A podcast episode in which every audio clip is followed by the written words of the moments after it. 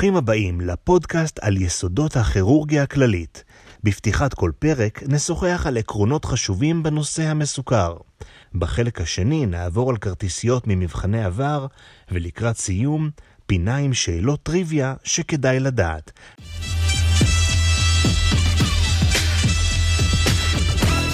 בין התריסריון לפרשדון, המדריך לכירורגיה כללית.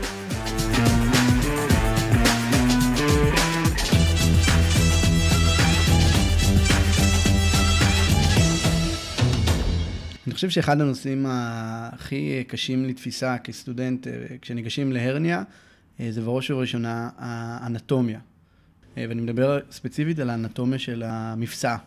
נכון, זה באמת נושא כאוב, כי הוא נושא שקשה לדמיין אותו בראש, ואני תמיד מתחיל מהגבול הקדמי, כן, או מה שאנחנו קוראים התקרה, זה הכי קל לנו לזכור את זה, כי זה בעצם external oblique, mm-hmm. זה השכבה החיצונית של דופן הבטן.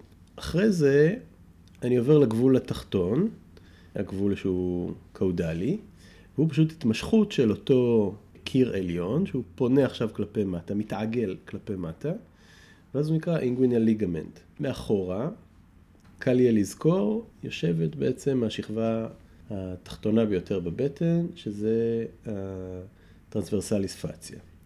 הרצפה של אותה תעלה, אם אנחנו בתוכה והבן אדם שוכב, ובעצם נשארנו רק הגבול העליון, או הגבול הצפלי, שהוא פונה מעלה בתוך הבטן, והוא בעצם מורכב מאותן שכבות של דופן הבטן, שלא עברנו עליהן עד עכשיו, שזה בעצם מה שאנחנו קוראים ה-conjoint ligament, או בעצם החיבור של ה... אינטרנל אובליק והטרנסברסוס אבדומיניס. שאלה שכל סטודנט חייב לדעת, ההבדל בין הרניה מפסטית ישירה ללא ישירה? צריך לחשוב על זה קצת הפוך מהאינטואיטיבי. ההרניה הלא ישירה זה ההרניה שהולכת בתוך התעלה המפסעתית, והיא בעצם גולשת מתוך חלל הבטן דרך התעלה המפסעתית ויכולה להגיע עד בואכה שק האשכים. ההרניה הישירה היא הרניה שפורצת דרך דופן הבטן קדמית, הטריטוריה שלה זה משולש אסלבך. אה, משולש אסלבך, גבולות שלו הם מדיאלית על ידי הרקטוס מסלס. מבחינה מלמטה נקרא לזה אינפריורית, למרות שזה לא בדיוק ישר, ה inguinal ligament, ומבחינה לטרלית, שגם שם זה לא בדיוק ישר, אה, זה אה, הכלים האפיגסטריים. יש את הטריק של ה-MD, ש medial direct. בהרניות במפסע אנחנו מדברים על הרבה מאוד תיקונים עם אה, שמות כאלו ואחרים. נתחיל עם התיקונים הפתוחים. מה ההבדלים העיקריים ביניהם ומה העקרונות שאנחנו צריכים לזכור? אוקיי, okay, אז תיקונים פתוחים, אנחנו חותכים את האור, מגיעים למפסע בגישה קדמית. בעצם יכולים לעשות אחד משתי קבוצות גדולות של תיקונים, שזה תיקונים שנקראים טישו ריפר, שהכוונה היא שאנחנו לוקחים תפרים עבים, גסים ובלתי מסיסים ותופרים חזק את השכבות אחת לשנייה. בעצם כל הלחץ יהיה מופעל על התפרים ששמנו. זה ניתוחים שהיסטורית ידוע שיש להם אחוזי חזרה לא מבוטלים. הגישה השנייה היא בעצם אה, תיקונים שנקראים uh, tension free. הרעיון הוא שבו אתה לא אוסף בכוח את שכבות הבטן אחת לשנייה ועל ידי התפרים, אלא אתה נותן איזשהו uh, חיץ בין התפרים לבין uh, חלל הבטן. עם רשת, והרשת בעצם סופגת את הכוח שמופעל מבפנים, והוא לא מופעל ישירות על התפרים. התיקון הכי מפורסם, תיקון ליכטנשטיין, שהוא שימוש ברשת שאותה אנחנו, איתה אנחנו בונים את הדופן התחתון של התעלה, ואנחנו סוגרים מעליה עדיין את התעלה עם אה, שכבות אה, נוספות. לפעמים שואלים אה, לאן בדיוק הם מקבעים את הרשת בליכטנשטיין. אז בליכטנשטיין אנחנו בעצם משחזרים עם המשתל את הדופן האחורית של התעלה. אז uh, אנחנו משתמשים ב-conjoint ligament, גבול העליון של התעלה הקודמת, ותופרים את הרשת אליו בצד העליון, ואת ה-shelving edge של האינגווין ליגמנט, החלק ה... שהיה מרכיב פעם את, ה... את הגבול התחתון של התעלה. וככה אנחנו מייצרים מחדש רצפה, מעליה יעבור הספרמטיקורד, שעליו נזהרנו כל כך בניתוח לשמר אותו למען יאריכון ימים. ואת התל אנחנו סוגרים מחדש למעלה עם ה external oblique שפתחנו בתחילת הניתוח. דיברנו על גישות אה, פתוחות לסגירת אה, הרניה מפסעתית, אה, כמה מילים על הגישות הלפרוסקופיות. יש לנו כמה, בעצם כמה דרכים לגשת לתיקון הלפרוסקופי.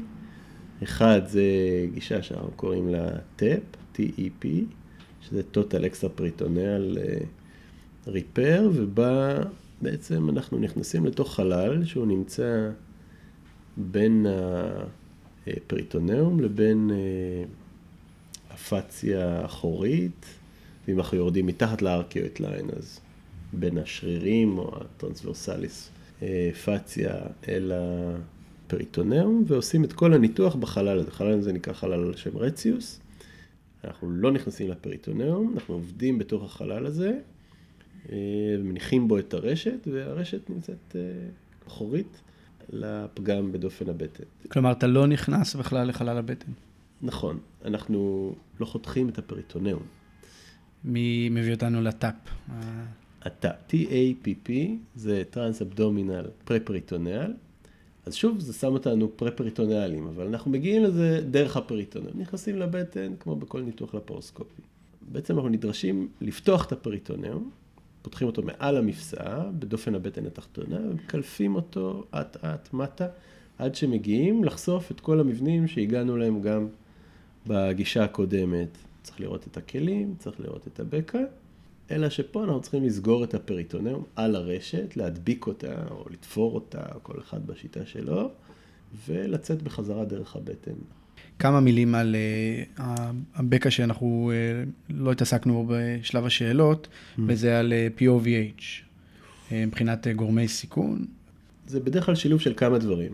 או מנתח כושל, שפשוט עושה את התיקון, uh, את הסגירה הלא טוב, או חולה שיש איתו איזושהי בעיה בגלל בעיה ברקמת חיבור, או בגלל... Uh, שהוא מרים דברים כבדים, או שיש לו איזה שהם אה, גורמים שמעלים את הלחץ התוך בטני, כמו שיעול בגלל COPD, אה, לחץ למתן שתן בגלל BPH, עצירות שגורמת ל, ל, ל, ללחץ תוך בטני גבוה, או שזה הנסיבות אה, שגרמו לדופן להיחלש, כמו כל ניתוח דחוף, הוא תמיד... אה, גורם סיכון לבקע בצלקת ניתוחית. זיהום בפצע לאחר הניתוח מחליש את התיקון ויכול לגרום לבקע.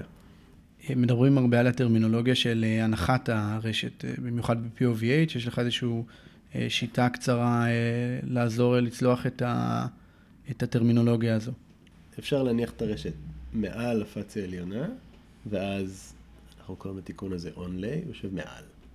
אפשר לשים את הרשת בעצם בין אה, דפנות הבקע. זה נקרא אינליי. זה קצת מסנומר כי זה בעצם לא תיקון. אתה לוקח בקע ותופר אליו רשת, זה לא מגן בפני שום דבר. האופציה הבאה, הפשוטה לזכירה, זה פשוט לשים את הרשת מתחת לפציה התחתונה, כלומר בתוך חלל הבטן. ואז אנחנו קוראים למנח הזה אנדרליי. Mm-hmm. והדבר שהוא קצת יותר מורכב לזכור או להבין, זה מנח שאנחנו קוראים לו סובליי, שהוא כולל בתוכו מספר שכבות שנמצאות בין המרכיבים של דופן הבטן. כלומר, זה יכול להיות uh, בין השרירים, כלומר מאחורי השריר או בין פציות שונות, ו... עוד תת סוג הוא האזור שאנחנו קוראים לו האזור הפרפריטונאלי. כלומר, אנחנו אמנם נמצאים מתחת לפציה התחתונה, אנחנו לא בתוך חלל הבטן, כי אנחנו סוגרים את הרשת עם, אה, עם פריטונאום.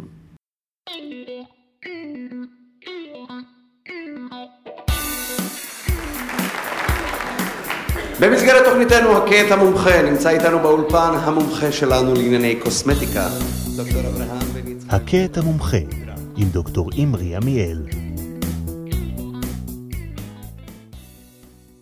אז דוקטור עמיאל מגיע אלינו בן 62, מלין על טפיחות בטנית, הקאות, חוסר יציאות או גזים, מזה כ-48 שעות. מה, מה התמונה הקלינית הזאת מתארת לך ומה תשאל? אוי, מדובר בחסימת מעי. פנייה די שגרתית אצלנו במיון, אה, ודורשת אה, איזושהי, איזשהו בירור אנמנסטי וגופני לחסימת מעי. למותר לציין שבמדינות אה, שאינן מערביות, פקעים הם סיבה אולי הכי שכיחה בעולם לחסימות מעי. אצלנו כמובן גידולים והידבקויות הם גורם יותר שכיח, ואז מכוון את האנמנזה לשם. מאידך, בבדיקה הגופנית, אל לנו לשכוח לרדת מטה-מטה אל המפסעות ולבדוק אה, האם ישנם פקעים, כמו גם בטבור, וזה מה שנעשה. השלב הבא, אה, בדיקה גופנית. אז אה, בדקנו אותו, כמו שציינת, אנחנו בודקים את כל הבטן, כולל המפסעות, לא לשכוח, ואנחנו רואים נפיחות במפסע הימין, עם רגישות על פניה. אוקיי, אז אה, גוש במפסע, קודם כל יש לו דידים משל עצמו, אה, ואומנם בקע נמצא שם גבוה בהבחנה מבדלת, אבל ישנם כל מיני סיבות, מבלוטות לימפה מוגדלות, מאיזשהו זיהום וכיוצא באלה, אבל אם גם האנמנזה וגם הבדיקה הגופנית תומכים בזה שזה הרניה, אנחנו צריכים לקבוע איזה הרניה. כמובן שיש פה את השלב הזה שאנחנו יושבים עם מטופל, שאנחנו נפנה לבדיקות דם וכן הלאה, אבל אנחנו נמשיך עם הכרטיסייה. ודוקטור עמל, אנחנו שומעים הרבה על incarcerated hernia, strangulated hernia. תעשה לנו קצת סדר. אוקיי, okay, אז קודם כל אנחנו נקיש מתוך השפה העברית, שבמקרה הזה היא די דלה, ומסתפקת במינוח אחד שהוא בקע כלוא, או בשפתם כלוע. אה, האנגלית פה היא קצת יותר אה, מתאימה מבחינה אנטומית ופיזיולוגית, ובעצם מגדירים את הבקע כבקע שאינו חוזר, irreducible, לבקע שהוא incarcerated, שזה בעצם המשמעות של כלוא בעברית, ובקע שהוא strangulated, שזה בקע שהאיבר שנכלא בתוך הבקע עובר עכשיו נמק. שזה דרגות שונות ואיתם בא גם אה, דפוס פעולה מתאים, שבקע שהוא סטרגולטד מן הסתם מצריך ניתוח דחוף. אה, ובקע שהוא לעומתו irreducible, הוא בקע שאפשר להתייחס אליו יותר בסלחנות. כלומר, איש מבוגר עם בקע אינגונס קורטלי גדול שהוא חי איתו כבר המון שנים. בבדיקה שלך אתה לא מצליח להחזיר אותו, כי יש שם חצי מהמי הדק שלו. So what? הוא חי את חייו, אוכל טוב, משתין, מעביר פעולות מעיים, והדין שלו הוא לא כמו דין של מישהו שמגיע עם בקע חדש אולי, או בקע שנכלא בשעות או בימים האחרונים. ומתייצג עכשיו עם סטרנגולציה, עם uh, הקאות, עם uh, אולי מדדים ספטיים אפילו, ודורש ניתוח דחוף. אוקיי, okay, אז בהנחה שעכשיו אנחנו מתמודדים עם uh, Strangulated Inguinal Hernia, מה, מה ניתוח הבחירה שלך? מה גישת הבחירה? עכשיו, אנחנו יודעים שברפואה איש הישר בעיניו יעשה, וכל אחד עושה מה שהוא עושה טוב, אבל בגדול בארצנו, Strangulated Inguinal Hernia, איך, איך תטפל? אז uh, הכי בטוח יהיה להגיד, בעיקר במבחן, לעשות uh, ניתוח בגישה פתוחה. והגישה היא לחתוך על רום הבקע. בניגוד לניתוח האלקטיבי, שחולה מגיע עם בקע מפסעתי, אנחנו מבצעים את החתך כשני סנטימטר מעל הקו האינגווינלי. בגישה הדחופה אנחנו חותכים על הבקע כי המטרה הראשונית שלנו היא לשחרר את המעי ולזכור את המעי, לקרות אותו אם יהיה צורך, ובעדיפות שנייה רק תיקון הבקע. אז זה היה הבקע אינגמינלי, עכשיו באותה כרטיסייה אנחנו קצת אה, מדרימים והולכים אה, מידיאלית ומזכירים הרניה פמורלית. אז היינו שמחים אם גם תסבר לנו על הרניה פמורלית, על התעלה הפמורלית. סיכוי הכלייה של הרניה פמורלית וכן הלאה. קודם כל, הנושא הזה מאוד מבלבל. אתה בודק בן אדם במיון, יש לו נפיחות במפסע, איזה בקע יש לו? זה בקע ישיר, זה בקע בלתי ישיר, בקע פמורלי, זה בקע אינגווינלי, איך נדע? התשובה היא שלא תמיד יודעים. כלומר, אם זה איש רזה, או אישה חטובה, ורואים אה, נורא בבירור את הנפיחות מתחת לקו האינגווינלי, כלומר, בכיוון הרגל, אז זה באמת אה, מרמז לזה שזה יהיה בקע פמורלי. אז בקע פמורלי הוא אה, בקע שיוצא דרך התעלה הפמורלית, שמכילה את העורק ואת הווריד ואת העצב הפמורלי. מה שנמצא הכי מדיאלית בתעלה הזאתי הוא הוויין. אנא זכרו את המשפט המפורסם, The Venus is next to the penis. יש כמה דברים שמייחדים הרניה פמורלית כמו שאנחנו יודעים מבחינת ה-prevalence, גברים מול נשים, סיכויי כליאה וכן הלאה. בוודאי. הרניה פמורלית היא חברתנו הטובה של אנשים. הסיכוי שיהיה פמורל הרניה באישה הוא פי 25 מגבר, שזה מכובד. עדיין הרניה מפסעתית היא ההרניה השכיחה בנשים, כי באופן כללי הרניה פמורלית היא הרניה די נדירה. אה, ואנחנו נתקלים בה מדי פעם, וכשאנחנו נתקלים בה, אה, הרניה פמורלית נוטה באופן מובהק יותר אה, להיקלע, ולכן בניגוד להרניה מפסעתית, שבה watchful waiting הוא אפשרות טיפול לגיטימית, אם למטופל לא כואב או לא מפריע הבקע, בהרניה פמורלית אנחנו מחויבים להתקדם לניתוח, גם במקרים שאין כליאה, ולזמן את החולה באופן אה, אה, כמה שיותר מהיר לניתוח. עוד משהו ששווה לזכור על הרניה פמורלית, שרוב המקרים קורים מימין, המחשבה היא שמשמאל הסיגמה מגנה עליה. אה, מה הניתוח עבור הרניה פמורלית? ניתוח שונה בכלל? משנה לנו משהו שזה הרניה פמורלית? כל ניתוח אה, לתיקון בקע הוא לגיטימי, כלומר, גם אם בוחרים בגישה קדמית ועושים את הניתוח בגישה פתוחה, אפשר להגיע ולעשות תיקון שהוא טישו ריפר, כלומר, אה, תיקון שבו אנחנו תופרים שכבה לשכבה, ואז התיקון המקובל הוא לשם מקווי, אה, וגם אם אנחנו בוחרים לשים רשת במנח קדמי, זה גם לגיטימי. וגם אם בוחרים לעשות אה, ניתוח לפרוסקופי בגישות השונות שלו, זה עדיין אפשרי, בתנאי שהרשת תכסה את האוריפיס של הפמורל הרניה. הזכרת את שיטת מגווי, אה, שהיא אחת מהשיטות לתיקון ראשוני של הבקע. אה, מתי מלבד הרניה פמורלית אתה תחליט לתקן ראשונית את הבקע, מתי עם רשת? אז באופן כללי, הסיבה שהיום אנחנו נוטים לעשות ניתוחים שהם tension free, כלומר שימוש עם רשת, היא בגלל שהניתוחים האלה הוכחו שהם מורידים את הסיכוי לחזרה. אמ, זה היום כמעט לא מקובל לעשות אה, ניתוחים שהם ללא רשת, אם אה, המצב מאפשר כן לשים רשת, שהניתוח הוא לא מזוהם, אה, או שאין איזו בעיה אחרת. אה, ולכן תמיד נעדיף לעשות תיקון עם רשת, תיקון שהוא tension free.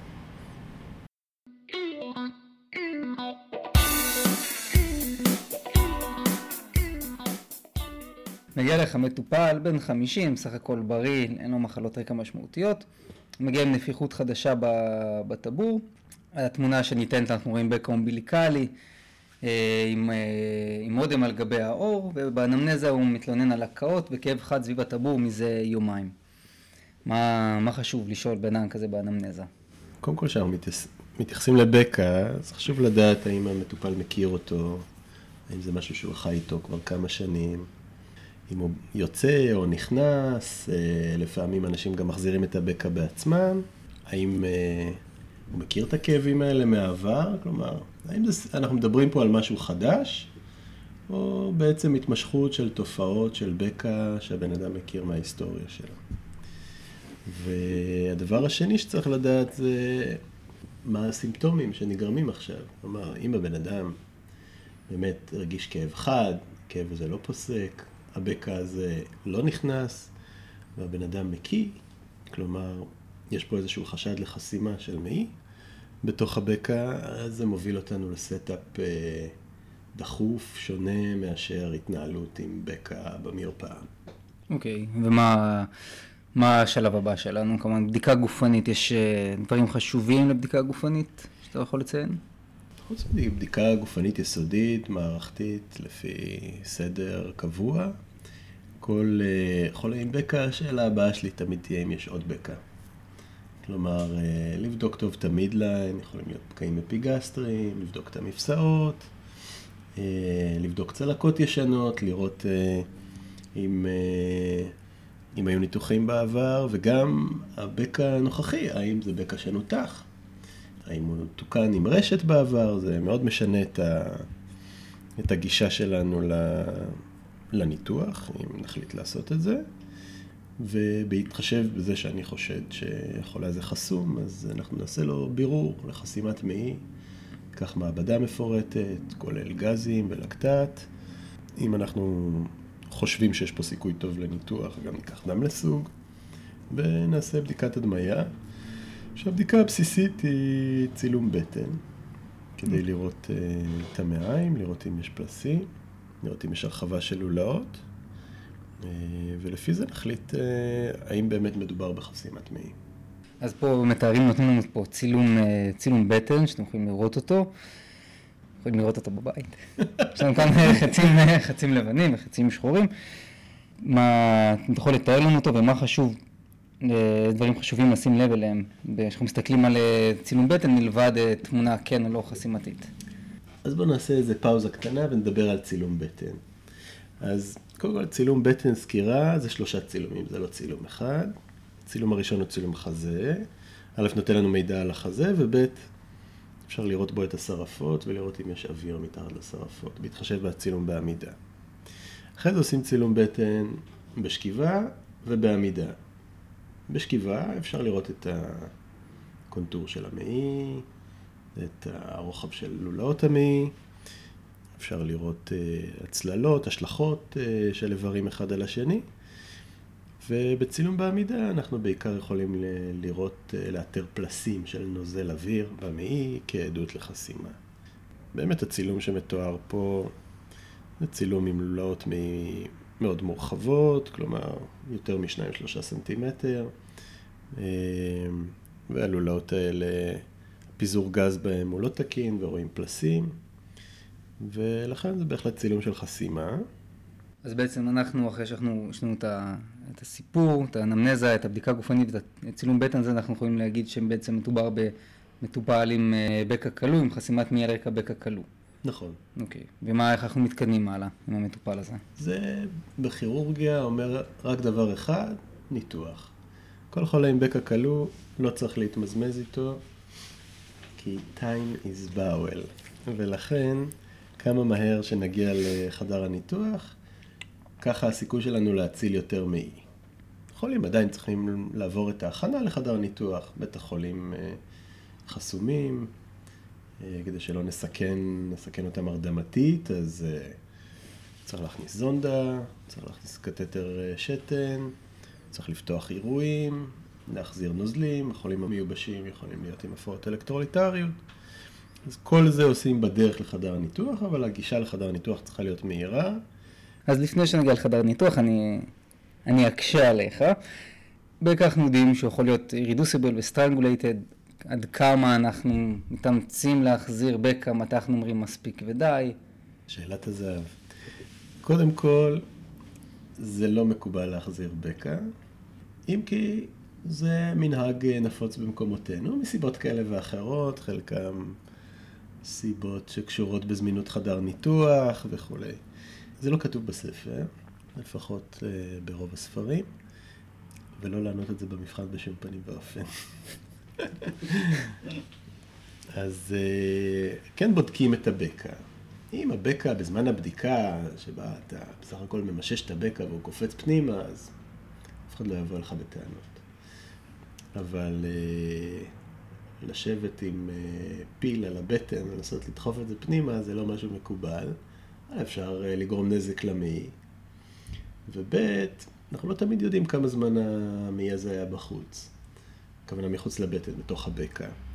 ויכול להיות שאנחנו מחזירים מעי נקרוטי לתוך חלל הבטן. אז אנחנו, יש לנו את האדם שלנו שהגיע עם חסימת מעי על רקע בקע כלוא. אה, בדקנו כל כך את הבדיקות הנדרשות, הוא אה, מקבל אה, נוזלים, זונדה, שני אירועים פריפריים גדולים, ואנחנו לוקחים אותו לחדר הניתוח. השאלה הבאה בכרטיסייה היא שבניתוח, שתכף נדבר על הגישות, כמו שציינת, פותחים את הבטן ורואים מעי שחור. איך אני יכול לדעת ודאות שהיא נמקי, מה אני עושה, וכן הלאה. קודם כל, הגישה לתיקון בקע כלוא הוא שאנחנו בכלל לא דנים בתיקון הבקע בהתחלה, אלא קודם כל דנים בטיב של המעי בתוך הבקע, וצריך לסרוק אותו.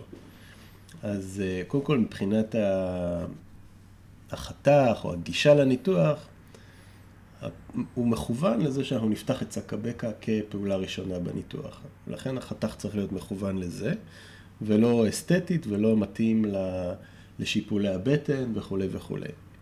ופותחים את, את השק, ואם רואים מעי, אז מעי יש לו הרבה צבעים, בהתאם לכמה הוא עצבני באותו רגע, ומה הפריסטלטיקה שלו, ומה, ומה הוא מכיל בתוכו, ומה אספקת הדם שלו.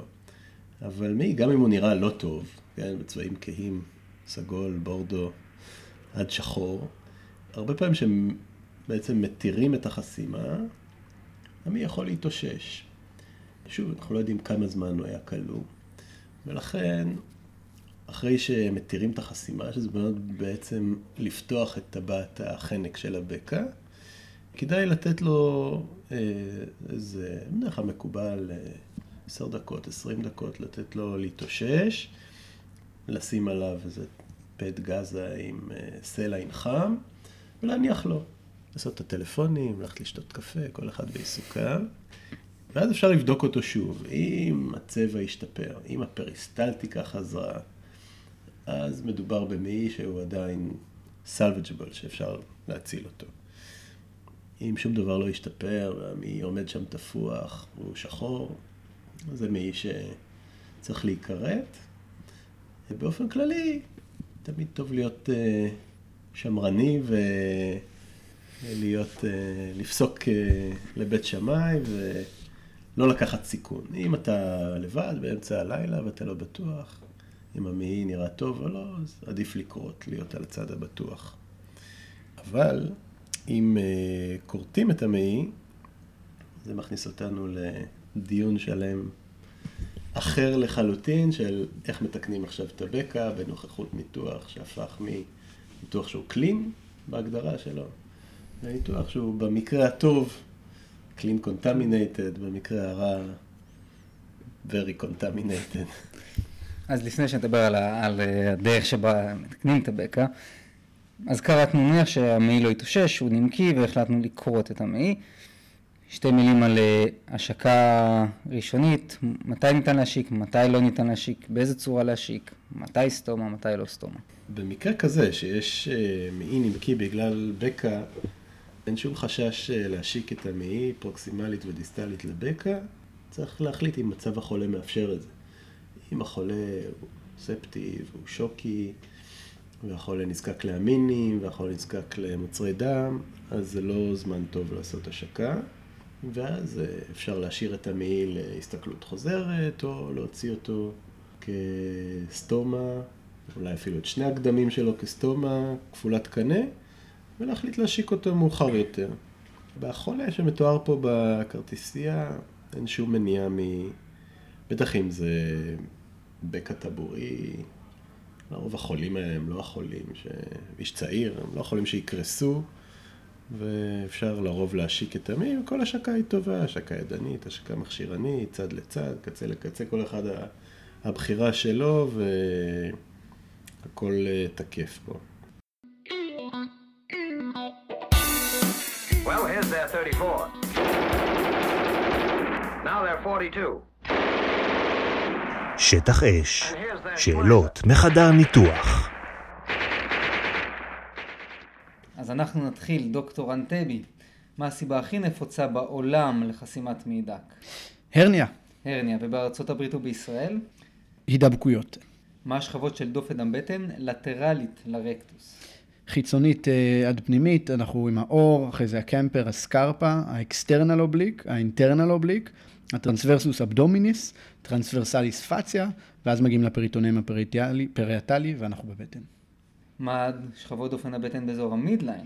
אז שם אחרי העור, הקמפר והסקרפה, למעשה יש את ה anterior rectus sheath, מתחתיו את אה, שריר ה rectus abdominis, ואז את ה posterior rectus sheath.